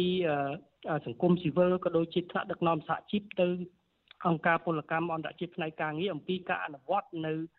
សិទ្ធិសេរីភាពជាមូលដ្ឋានផ្នែកសមាគមអង្គការវិជាជីវៈរបស់សហជីពនេះអញ្ចឹងបទពិសោធន៍កន្លងមកដែលយើងមើលឃើញគឺវាឆ្លុះបញ្ចាំងអំពីដែលថាក្រុមហ៊ុនដែលគាត់មានឥទ្ធិពលខ្លាំងហើយក៏អាចប្រើប្រាស់នៅអំណាចដែលគាត់អាចធ្វើទៅបានខណៈពេលដែលក្នុងនាមជា រដ្ឋអំណាចនៅក្នុងនាមជារដ្ឋាភិបាលមិនមានឥទ្ធិពលនៅក្នុងការដោះស្រាយវិវាទដោយឡែកនៅក្នុងការប្រើប្រាស់នៅយន្តការនៃការដោះស្រាយវិវាទនិងការសម្របសម្រួលជាច្រើនលើកច្រើនសារมันមានដំណោះស្រាយអញ្ចឹងចំណុចមួយនេះវាវានឹងបង្កនៅភាពអយុត្តិធម៌សង្គមទៅដល់កម្មករយុជិតទៅកន្លែងដទៃផ្សេងផ្សេងទៀតជាពិសេសក្រុមហ៊ុនដែលមានអធិបុលមានអំណាចហ្នឹងនៅតែអាចមានលទ្ធភាពនៅក្នុងការ រំលោភបំពានកេងប្រវ័ញ្ចសិទ្ធិសេរីភាពឬក៏ការលុបបំបាត់ចោលនឹងការអនុវត្តនៅអង្គការវិជាជីវៈជាពិសេសគឺសហជីពនៅកន្លែងការងារហ្នឹងហើយចាលោកថារ៉ូមួយចុងក្រោយតកតងនឹងយុទ្ធនាការរបស់ខាងអង្គការសង្គមស៊ីវិលដែលទៀមទាឲ្យបញ្ឈប់ការរើសអើងសហជីពគ្រប់ទម្រង់នឹងតើឥឡូវនេះដោយដែលខ្ញុំបានលើកពីខាងដើមមុននឹងមិនអញ្ចឹងមាន ការតវ៉ានឹងធម្មតាគឺមានថ្នាក់ដឹកនាំសហជីពនិងសហជីពហើយក្នុងចំនួននេះគឺមានថ្នាក់ដឹកនាំសហជីពនិងកញ្ញាឈឹមស៊ីធដែលជាប្រធានសហជីពនឹងក៏ត្រូវបានខាងក្រុមហ៊ុនបញ្ឈប់ពីការងារដែរហើយអញ្ចឹងទៅការតវ៉ានឹងគឺទាមទារឲ្យសុំចូលធ្វើបានចូលធ្វើការវិញហើយឥឡូវมันមានដំណោះស្រាយទេបែរជាមានសមត្ថកិច្ចអីទៅឡោមព័ទ្ធស្នាក់ការអីអញ្ចឹងតើសង្គមស៊ីវិលយល់ថាគួរតែមានដំណោះស្រាយបែបណាហើយតើបញ្ហានេះយ៉ាងម៉េចទៅវិញហើយវាផ្សារភ្ជាប់អីទៅនឹងយុទ្ធនាការរបស់ខាងសង្គមស៊ីវិលដែលរួមគ្នាធ្វើបង្ហោះលើបណ្ដាញសង្គមនឹងចា៎យើងបង្ហាញនៅសាមគ្គីភាពហើយនឹងការគ្រប់គ្រងទៅដល់ចំហសកម្មភាពការប្រើប្រាស់សិទ្ធិជាមូលដ្ឋានស្របច្បាប់របស់បងប្អូនកម្មករនិយោជិតជាង1000នាក់នៅក្រុមហ៊ុន Nagawer ដែលគាត់កំពុងតែធ្វើកុតកម្មហើយការធ្វើនៅយុទ្ធនាការការទៀមទានេះវាមិនខុសអំពីចំហរបស់អង្គការសង្គមស៊ីវិលរបស់យើង សហព័ន្ធសហជីពសមាគមដែលធ្វើការងារនៅក្នុងការលើកកម្ពស់សិទ្ធិមនុស្សសិទ្ធិការងារនៅក្នុងប្រទេសកម្ពុជាដែលធ្វើកន្លងមកឲ្យដូចតាក់ទងទៅនឹងការទៀមទាឲ្យមានការដោះលែងសកម្មជនសិទ្ធិមនុស្សសកម្មជនបរិស្ថានយុវជនសកម្មជនសិទ្ធិការងារជាដើមនេះយើងនៅបន្តនៅការលើកទឹកចិត្តហើយនឹងការគ្រប់គ្រងទៅដល់សកម្មភាពស្របច្បាប់របស់បងប្អូនកម្មករយុជិតហើយយើងអំពាវនាវឲ្យអាជ្ញាធរមានសមត្ថកិច្ច ត្រូវតែបញ្ឈប់នៅទម្រង់នៃការគម្រាមកំហែងឬក៏ការចោទប្រកាន់ឬក៏ដាក់សម្ពាធទៅដល់កម្មករនិយោជិតដែលគាត់ប្រើប្រាស់សិទ្ធិជាមូលដ្ឋានហើយយើងគិតថាអាជ្ញាធរគួរតែស្វះស្វែងនៅក្នុងការស្វែងរកនៅដំណោះស្រាយហើយជំរុញទៅភាគីនយោជកការធ្វើកតកម្មរបស់កម្មករនិយោជិតនេះខ្ញុំគិតថាអាចបញ្ឈប់បាននៅក្នុងរយៈពេលឆាប់ៗនៅក្នុងខាងមុខបើសិនជាក្រុមហ៊ុនមានការសម្បទានណាមួយដែលអាចទទួលយកបាននៅទីទីទាំងសងខាងហើយមកដល់ពេលនេះ កម្មករនិយោជិតគាត់មានប្រមាណជា365នាក់ទេអញ្ចឹងបើយើងផ្អែកទៅលើលទ្ធភាពរបស់ក្រុមហ៊ុនហើយនិងសេវារបស់ក្រុមហ៊ុនដែលកំពុងតែប្រតិបត្តិការនៅពេលបច្ចុប្បន្ននេះគឺក្រុមហ៊ុនមានលទ្ធភាពពេញលេញនៅក្នុងការទទួលយកបងប្អូនកម្មករនិយោជិតទាំងអស់នោះចូលធ្វើការងារវិញជាពិសេសគឺថ្នាក់ដឹកនាំសហជីពសកម្មជនសហជីពប្រតិភូសហជីពអឺពួកគាត់មានសិទ្ធិในការការពារពិសេស ហើយបើសិនណាការអាចប្រជុំពួកគាត់បានអញ្ចឹងក្រុមហ៊ុនផ្សេងផ្សេងទៀតគាត់អាចធ្វើបានដូចគ្នាទៅនឹងការប្រជុំថ្នាក់ដឹកនាំសហជីពហើយនឹងប្រតិភូបុគ្គលិកដែលមានការការពិសេសការការពារពិសេសដោយច្បាប់ហ្នឹងអញ្ចឹងចំណុចមួយនេះខ្ញុំគិតថាតើតើក្រុមហ៊ុនគាត់មានចេតនាអីនៅពីខាងក្រោយអញ្ចឹងវាគ្មានអីក្រៅតែពីទម្រង់នៃការរើសអើងសហជីពហ្នឹងហើយគាត់មិនចង់ឲ្យមានរចនាសម្ព័ន្ធសហជីពកណាសហជីពគាត់អឺមាននៅក្នុងក្រុមហ៊ុនទៅគាត់នៅតែបន្តនៅការការពារផលប្រយោជន៍កម្មករនិយោជិត ហើយបើសិនជាមិនមានសហជីពនៅកន្លែងការងារនេះទេខ្ញុំជឿជាក់ថាវានឹងអាចមាននៅការរំលោភសិទ្ធិសេរីភាពមូលដ្ឋានរបស់កម្មករនិយោជិតការកេងប្រវ័ញ្ចនៅកម្លាំងពលកម្មរបស់កម្មករនិយោជិតអីជាដើមដូចជាការបង្ការងារដោយបង្ខំការធ្វើការងារលើសម៉ោងអីជាដើមស្ត្រីដែលគាត់មានផ្ទៃពោះបុគ្គលិកកម្មករនិយោជិតដែលទទួលរងនៅ ការបៀតបៀននៃជាដើមតាមរយៈអ្នកគ្រប់គ្រងជាដើមនឹងអញ្ចឹងការមានសហជីពនៅកន្លែងការងារនេះហើយវាជាការការពារសិទ្ធិដ៏ស្របច្បាប់អញ្ចឹងយើងយើងអំពាវនាវទៅដល់រាជរដ្ឋាភិបាលហើយខ្ញុំគិតថា Naga នេះ Nagawer នេះលុះត្រាតែមាននៅកិច្ចអន្តរាគមន៍ណាមួយអំពីសំណាក់រាជរដ្ឋាភិបាលជាពិសេសសម្ដេចនាយករដ្ឋមន្ត្រីហ្នឹងហើយបើអាចដោះស្រាយនេះបានពីព្រោះថាមកដល់ពេលនេះលើកទី1ដែលខ្ញុំឃើញតែក្រសួងបរាជ័យរហូតដល់ 4 5ដងនៅក្នុងការសម្របសម្រួលរឿងនេះអញ្ចឹងប្រហែលជាអាចតែមានតែសម្ដេចនាយករដ្ឋមន្ត្រីដែលអាចកាត់សេចក្តីនៅក្នុងការ ដោះស្រាយនៅបញ្ហានៃការទាមទាររបស់បងប្អូនកម្មករយុជិតនេះចាលោកថារ៉ូត្រង់ចំណុចនេះលោកមានប្រសាសន៍ឲ្យថាក្រសួងបរាជ័យនៅក្នុងការដោះស្រាយហើយខាងក្រុមហ៊ុនក៏គេមិនចេញមកដោះស្រាយជាមួយកម្មករបុគ្គលិកអីទាំងអស់ហ្នឹងហើយលោកបានលើកឡើងថាមានតែលោកនាយករដ្ឋមន្ត្រីហ៊ុនសែនទេដែលអាចជួយលើបញ្ហានោះបានប៉ុន្តែបើសិននិយាយអំពីបញ្ហាច្បាប់ទៅវិញតើក្រុមបុគ្គលិកកម្មករទាំងអស់ហ្នឹងគាត់គាត់អាចដាក់បណ្ដឹងអីទៅតុលាការបានទេចំពោះរឿងហ្នឹងចាជាតម្រង់នៃការនីតិវិធីនៃការតវ៉ាក្នុងផ្លូវការងារដោះស្រាយវិវាទការងារនោះចា៎ជានីតិវិធីគាត់អាចជ្រើសរើសបានគាត់អាចធ្វើទៅបានប៉ុន្តែសំណួរសួរថាតើតើវានឹងប្រើពេលវេលាប្រមាណទៀតហើយតើតើគាត់អាចធានាបានទេតើយុទ្ធធម៌របស់គាត់នឹងអាចទទួលយកបានខណៈពេលដែលថ្មីថ្មីនេះសាលាដំបងរាជធានីភ្នំពេញនៅថ្ងៃទី16ខែធ្នូនេះក៏បានចេញនៅដីកាសម្រាប់ចាត់ចែងជាបដអាសន្ន ដែលចោទប្រកាន់ថាកោតកម្មនេះខុសច្បាប់អញ្ចឹងការទុកចិត្តទៅលើប្រព័ន្ធតុលាការនៅក្នុងការដោះស្រាយវិវាទនៅពេលបច្ចុប្បន្ននេះគឺយើងលំបាកនៅក្នុងការធានានៅយុត្តិធម៌និងដំណោះស្រាយចំពោះមុខសម្រាប់បងប្អូនកម្មករនយោជិតណាអញ្ចឹងហើយជានីតិវិធីគាត់អាចប្រើប្រាស់នៅជំរើសពីរទី1គាត់អាចប្តឹងរឿងហ្នឹងទៅតុលាការទៅបន្ទាប់ពីនីតិវិធីរបស់ក្រមប្រឹក្សាអាជ្ញាកណ្ដាលហើយហើយទី2គាត់អាចប្រើប្រើប្រាស់សិទ្ធិ ជាមូលដ្ឋាននៅក្នុងការធ្វើកោតកម្មហើយក្រុមហ៊ុនមានសិទ្ធិនៅក្នុងការ lock out អញ្ចឹងនៅក្នុងនៅក្នុងចំណុចមួយនេះខ្ញុំមើលឃើញថាអាជ្ញាធរគាត់ត្រូវតែអាននៅច្បាប់ស្តីពីការងារហ្នឹងជាជាងការប្រើប្រាស់ទម្រង់នៅក្នុងការបកស្រាយច្បាប់តែក្នុងនាមជាអាជ្ញាធរសាធារណៈទៅលើច្បាប់ស្តីពីការធ្វើបដកម្មដោយសន្តិវិធីពីព្រោះអីនៅក្នុងគោលការណ៍ណែនាំដោយក្រសួងមហាផ្ទៃចេញមកហើយគឺថាកន្លងមកនេះគឺជាគោលការណ៍ណែនាំមួយដែលណែនាំដល់អាជ្ញាធរ ថ្នាក់ជាតិសហគមន៍ជាតិហ្នឹងដើម្បីឲ្យប្រើប្រាស់នៅច្បាប់ពិសេសគឺច្បាប់ស្តីពីការងារហ្នឹងនៅក្នុងការចែងលក្ខខណ្ឌដាច់តម្លៃនៅក្នុងការធ្វើកោតកម្មដោយមិនស្ថិតនៅក្រោមច្បាប់ស្តីពីការធ្វើបដកម្មដោយសន្តិវិធីអញ្ចឹងយើងយកច្បាប់ណាយកមកប្រើប្រាស់តើសាលារាជធានីភ្នំពេញគាត់សង្កសម្ដៅយកប្រើប្រាស់នៅច្បាប់ណាដើម្បីបកស្រាយថាច្បាប់ថាការធ្វើកោតកម្មហ្នឹងវាខុសច្បាប់អញ្ចឹងយើងត្រូវយកច្បាប់ស្តីពីការងារយើងត្រូវ យកច្បាប់ស្តីពីសហជីពហើយនឹងលក្ខន្តិកៈរបស់សហជីពនឹងដែលមានចែងហើយនឹងចុះបញ្ជីនៅក្រសួងការងារនឹងជាមូលដ្ឋានច្បាប់នៅក្នុងការបកស្រាយអញ្ចឹងខ្ញុំគិតថាអាជ្ញាធរគួរតែទៅអានទៅពិនិត្យមើលច្បាប់ហ្នឹងហើយសិក្សាឡើងវិញនៅគួរការណែនាំរបស់ក្រសួងមហាផ្ទៃកន្លងមកចា ចាចាយ៉ាងណាខ្ញុំអរគុណច្រើនលោកថារ៉ូដែលលោកបានចំណាយពេលមានតម្លៃចូលរួមផ្ដល់សម្ភារឲ្យវិទ្យុអេស៊ីសេរីនៅរាត្រីនេះដែលជាថ្ងៃឆ្លងឆ្នាំចុងក្រោយឆ្នាំ2021ចូលឆ្នាំ2022ហើយសូមអរគុណនិងជំរាបលាលោកថារ៉ូនិងជូនពរសុខភាពល្អសំណាងល្អជោគជ័យគ្រប់ភារកិច្ចការងារកុំបីឃ្លីឃ្លីឡើយចាសូមអរគុណនិងជំរាបលាលោកត្រឹមប៉ុណ្ណេះសិនចាបាទសូមជំរាបលាអរគុណបាទចា ចាលោកនាងកញ្ញាជាទីមេត្រីចាតកតងទៅនឹងការរីករាលដាលនៃជំងឺ Covid-19 វិញក្រសួងសុខាភិបាលរកឃើញថាជំងឺ Covid-19 ចំនួន6ករណីថ្មីទៀតក្នុងនោះ4ករណីជាករណីនាំចូលនិងជាមេរោគបំផ្លែងខ្លួនថ្មីអូមីក្រុងចាចំពោះករណីស្លាប់វិញក្រសួងប្រកាសថាมันមានទេនៅក្នុងថ្ងៃដដែលនេះគិតត្រឹមព្រឹកថ្ងៃទី31ខែធ្នូនេះកម្ពុជាមានអ្នកកើតជំងឺ Covid-19 ប្រមាណ120,000នាក់ក្នុងនោះមានអ្នកជាសះស្បើយប្រមាណជាង110,000នាក់និងអ្នកស្លាប់មានចំនួន3012នាក់ក្រសួងសុខាភិបាលប្រកាសថាគិតត្រឹមថ្ងៃទី30ខែធ្នូម្សិលមិញរដ្ឋាភិបាលចាក់វ៉ាក់សាំងជូនពលរដ្ឋដែលគ្រប់អាយុបានប្រមាណ10លាន1សែននាក់សម្រាប់ដូសទី1និង9លាន8សែននាក់សម្រាប់ដូសទី2 ចំណែកកុមារនិងយុវជនដែលមានអាយុពី5ឆ្នាំដល់17ឆ្នាំវិញក្រសួងបញ្ជាក់ថាបានចាក់វ៉ាក់សាំងបង្ការជំងឺ Covid-19 នេះប្រមាណ4លាននាក់ក្នុងចំណោមអ្នកដែលត្រូវចាក់សរុបជាង4លាននាក់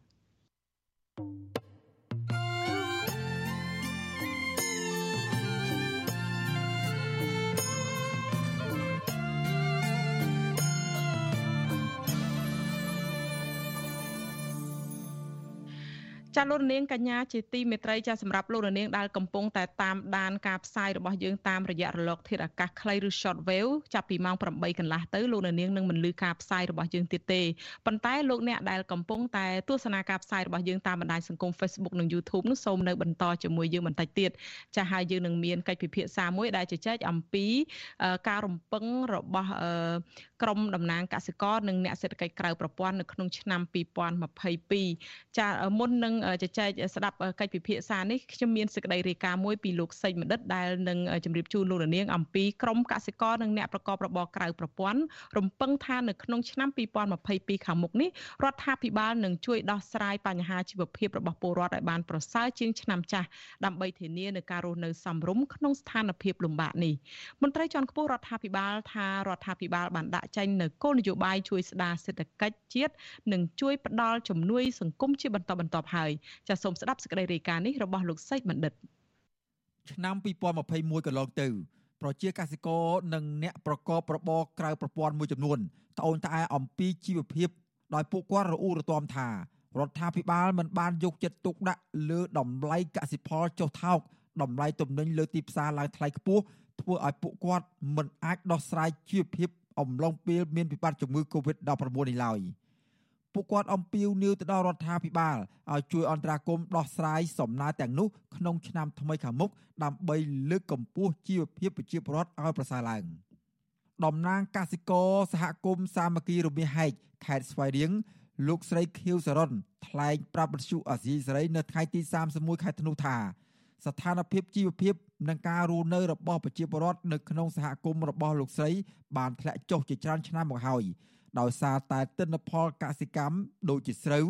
និងបន្លែផ្លែឈើបានទទួលផលតិចតួចហើយតម្លៃលើទីផ្សារក៏ចុះថោក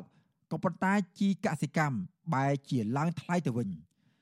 លោកស្រីថាបញ្ហាអស់ទាំងនេះបានធ្វើឲ្យប្រជាពលរដ្ឋមួយចំនួនត្រូវបង្ខំកូនកូនដែលមិនទាន់គ្រប់អាយុឲ្យចំណាក់ស្រុកធ្វើការងារទាំងប្រថុយប្រឋាន ដើម្បីដោះស្រាយជីវភាពនិងបំណុលតំណាងកសិកររូបនេះលើកឡើងទៀតថា លោកស្រីហាក់មិនឃើញអាជ្ញាធរពាក់ព័ន្ធយកចិត្តទុកដាក់និងចុះជួយអន្តរាគមន៍តាមសំណើរបស់ពួកគាត់នោះទេដូច្នេះឆ្នាំថ្មីខាងមុខនេះលោកស្រីរំពឹងថារដ្ឋាភិបាលនិងរៀបចំគោលនយោបាយឆ្លើយតបឲ្យទាន់ពេលវេលាជូនដល់ប្រជាពលរដ្ឋ កន្លងមកខ្ញុំតែងតែស្នើសុំឲ្យរាជរដ្ឋាភិបាលក៏ងាកមកមើលកសិករណាដែលគាត់ច្បាស់លាស់នឹងការងារកសិកម្មតែគាត់អាចធ្វើបានប៉ុន្តែគាត់ខ្វះបច្ចេកទេសអញ្ចឹងហើយខ្ញុំចង់ឲ្យរដ្ឋាភិបាលហ្នឹងក៏ងាកមកឡើងហ្នឹងហើយជួយបដិបដាលពួកគាត់មិនថាឡើយគាត់អីនៅពេលដែលបដិបដាលហើយតែគាត់ត្រូវការអីបន្តទៀតត្រូវការទីផ្សារដើម្បីលក់ផលិតផលដែលគាត់ធ្វើបានតែរាជរដ្ឋាភិបាលគាត់បានគិតគូរទៅលើរឿងហ្នឹងអត់ប៉ុន្តែវាអត់មានចម្លើយសម្រាប់ឲ្យពួកខ្ញុំវិញប៉ុន្តែខ្ញុំសង្ឃឹមខ្លួនឯងថាក្នុងឆ្នាំ2022ហ្នឹងរដ្ឋាភិបាលគាត់នឹងកលែងមកមើលអាហ្នឹងវិញចំណែកអាជីវករលក់ផ្លែឈើនៅក្រុងប៉ោយប៉ែតខេត្តបន្ទាយមានជ័យលោកអិនអាតវិញលោកសៀបរាប់ថាចាប់តាំងពីអាញាធរថៃបិទច្រកព្រំដែនអន្តរជាតិប៉ោយប៉ែតដោយសារការរាតត្បាតនៃជំងឺ Covid-19 មកកម្រិតជីវភាពរស់នៅ របស់ប្រជាពលរដ្ឋនៅតំបន់របស់លោករស់នៅភ ieck ច្រើនគឺយ៉ាប់យ៉ឺនយ៉ាងខ្លាំង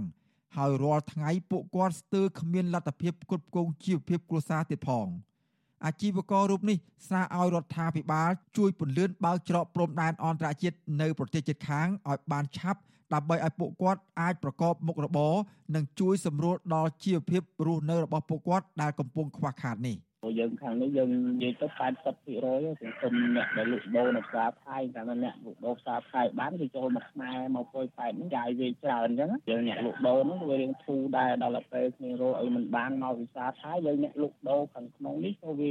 ស្បិតស្បៀតចូលឡើងចង់2ឆ្នាំយើងចាយអញ្ចឹងយើងនៅក្នុងវារកអត់បានដែររីឯអ្នករត់ Pass Up នៅរាជធានីភ្នំពេញលោកស្រីសវណ្ណរាវីប្រាប់ថាឆ្នាំចាស់ឆ្នាំ2021នេះ អ្នកប្រកបមុខរបរក្រៅប្រព័ន្ធដូចអ្នករត់ Pass Up រមាក់ម៉ូតូឌុបអ្នកធ្វើការតាមផ្ទះនិងអ្នកលក់ដូរជាដើម បានរងគ្រោះជាបន្តបន្ទាប់ដោយសារវិធានការទប់ស្កាត់ជំងឺ Covid-19 របស់រដ្ឋាភិបាលលោកស្រីបន្ថែមថាសពថ្ងៃលោកស្រីរត់ Pass Up រោគភ្ញៀវទាំងយប់ទាំងថ្ងៃបានប្រាក់បន្តិចបន្តួចគ្រាន់ទិញម្ហូបអាហារហូបចុកហើយពេលខ្លះលោកស្រីសឹងគ្មានប្រាក់បង់ថ្លៃទឹកថ្លៃភ្លើងទៀតផង។ លោកស្រីយល់ថាតម្លៃប្រេងសាំងនិងហ្គាសកំពុងហក់ឡើងខ្លាំងគឺជាបន្ទុកកាន់តែធ្ងន់ធ្ងរសម្រាប់ប្រជាពលរដ្ឋប្រកបមុខរបរនេះដូច្នេះលោកស្រីស្នើដល់ស្ថាប័នពាក់ព័ន្ធឲ្យជួយអន្តរាគមន៍បញ្ចុះតម្លៃទំនិញលើទីផ្សារនិងតម្លៃប្រេងឥន្ធនៈ ធនាគារអុកយើងមែនតើម្ចាស់ផ្ទះក៏អុកយើងថ្លៃសាំងថ្លៃហូបអីក៏អុកយើងហើយយើងរលុយវាពិបាករលុយអត់បានអញ្ចឹងខ្ញុំមួយថ្ងៃមួយថ្ងៃខ្ញុំរត់ដល់យប់បងពេលខ្លះធ្លាក់ម៉ោង2ម៉ោង3ខ្ញុំរត់ដែរដឹកកូនទៅតាមទៅកូនដាក់គេក្រោយខ្លះអត់ល្ងួយអត់បានរៀនមកវិញរុងផ្នែកទាំងម៉ែទាំងកូននៅធ្វើម៉េចពេលព្រលឹមឡើងដល់គ្នាគេជ្រុលដល់ម៉ោង8 9ហើយហ្នឹងកូនវ៉ាកងពេលកូនអត់វ៉ាកងដាស់គ្នាទៅរៀនងើបទៅដែរតន់គ្រូស្ដីឲ្យទៀតឆ្លើយតបនឹងរឿងនេះ ប្រធានអង្គភិបអ្នកណែនាំពាក្យរដ្ឋាភិបាលលោកផៃស៊ីផាន លើកឡើងថាក្រោយពេលរីករាលដាលជំងឺ Covid-19 រដ្ឋាភិបាលបានដាក់ចេញនូវគោលនយោបាយនិងប្រឹងប្រែងស្ដារសេដ្ឋកិច្ចនិងសង្គមឲ្យងើបឡើងវិញប៉ុន្តែវិធានការទាំងនោះមិនអាចតម្រូវតាមការចង់បានរបស់ប្រជាពលរដ្ឋបានភ្លាមៗនោះទេលោកបញ្ជាក់ថារដ្ឋាភិបាលគោរពតាមគោលការណ៍ទីផ្សារសេរីដូចនេះ ការត្អូញត្អែររបស់កសិករនិងអ្នកប្រកបរបរក្រៅប្រព័ន្ធលើតម្លៃកសិកម្មចុះថោកជីប្រេងសាំងនិងតម្លៃទំនិញនៅលើទីផ្សារឡើងថ្លៃពេលនេះលោកហាងថាវាហួសពីការទទួលខុសត្រូវរបស់រដ្ឋាភិបាលពជាកសិករដោយពាណិជ្ជករក្រៅប្រព័ន្ធហ្នឹងត្រូវតែធ្វើការជិតស្និទ្ធជាមួយនឹងក្រសួងពាណិជ្ជកម្មឬក្រសួងឯកទេសដទៃទៀតដើម្បីជួយថាតើផលិតអី តើឯឆ្នាំក្រោយនឹងអាចជួបនឹងហានិភ័យទៅលើកសិផលអីខ្លះអានឹងត្រូវតែធ្វើជារបៀបទៅវិជាសាស្ត្របិទអីយើងនាំគ្នាគោរពនៅគេតម្លៃប្រកួតប្រកែងទីផ្សារគឺយើងមិនស្ថិតនៅក្នុងសង្គមអេកុម្មុយនីសនោះទេឬក៏សង្គមនិយមនោះទេទោះយ៉ាងណាប្រធានសហព័ន្ធសហជីពកម្មករចំណីអាហារនិងសេវាកម្មកម្ពុជា អ្នកស្រីអ៊ូទេផូលីនថ្លែងថាស្ថានភាពពលរដ្ឋក្នុងវិស័យការងារ កសិកម្មនិងវិស័យផ្សេងៗទៀតក្នុងឆ្នាំ2021បានរងគ្រោះខ្លាំងដែលគួរឲ្យព្រួយបារម្ភដោយសារបាត់បង់ការងារពុំមានកិច្ចគាំពៀសង្គមនិងការរំលោភសិទ្ធិមនុស្សជាដើម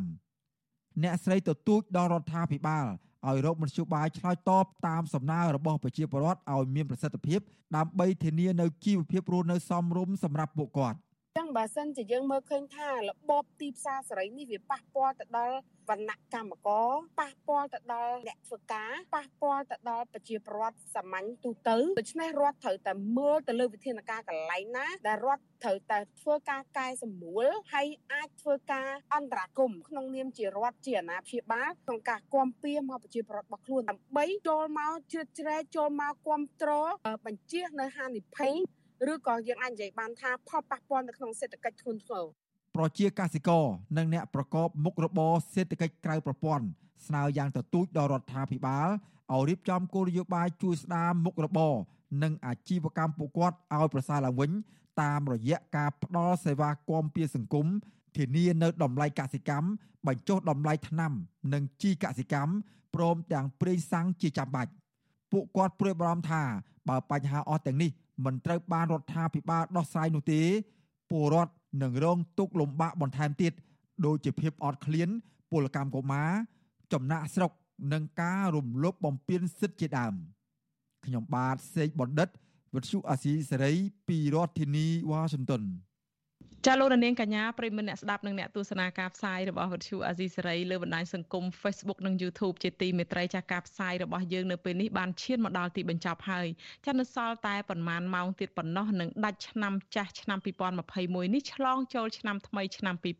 2022ចានេះខ្ញុំសូមជូនពរដល់លោកនាងកញ្ញាឲ្យជួបប្រទះតែនឹងសេចក្តីសុខចម្រើនរុងរឿងរួចផុតពីគ្រោះភ័យគ្រប់ក្រុមគ្រួសារហើយបានជោគជ័យគ្រប់ ទាំងភារកិច្ចការងារទាំងអស់ផង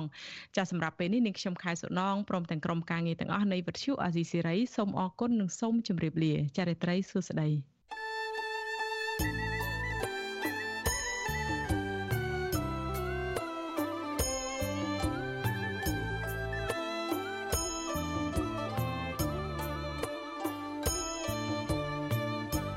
វិទ្យុអាស៊ីសេរីផ្សាយតាមរលកធាតុអាកាសខ្លី ឬ short wave តាមកម្រិតនិងកម្ពស់ដូចតទៅនេះពេលព្រឹកចាប់ពីម៉ោង5កន្លះដល់ម៉ោង6កន្លះតាមរយៈរលកធាតុអាកាសខ្លី9390 kHz ស្មើនឹងកម្ពស់ 32m និង11850 kHz ស្មើនឹងកម្ពស់ 25m ពេលយប់ចាប់ពីម៉ោង7កន្លះដល់ម៉ោង8កន្លះតាមរយៈរលកធាតុអាកាសខ្លី9390 kHz ស្មើនឹងកម្ពស់ 32m និង15155 kHz ស្មើនឹងកម្ពស់ 20m លោកអ្នកនាងក៏អាចស្ដាប់ការផ្សាយផ្ទាល់តាមប្រព័ន្ធអ៊ីនធឺណិតដោយចូលទៅកាន់គេហទំព័រ www.rfa.org/ ខ្មែរក្រៅពីនេះលោកអ្នកនាងក៏អាចអាននិងទស្សនាព័ត៌មានវិទ្យុអេស៊ីសរ៉ៃលើទូរស័ព្ទដៃរបស់លោកអ្នកផ្ទាល់សូមលោកអ្នកនាងចូលទៅកាន់បណ្ដាញសង្គម Facebook ដែលមានអាសយដ្ឋាន www.facebook.com/rfa.cambodia និង YouTube www.youtube.com/rfa ខ្មែរ video សូមលោកអ្នកនាងចុច like និងចុច subscribe ដើម្បីទទួលបានព័ត៌មានថ្មីៗទាន់ហេតុការណ៍និងទស្សនាវីដេអូផ្សេងៗទៀតបានគ្រប់ពេលវេលា។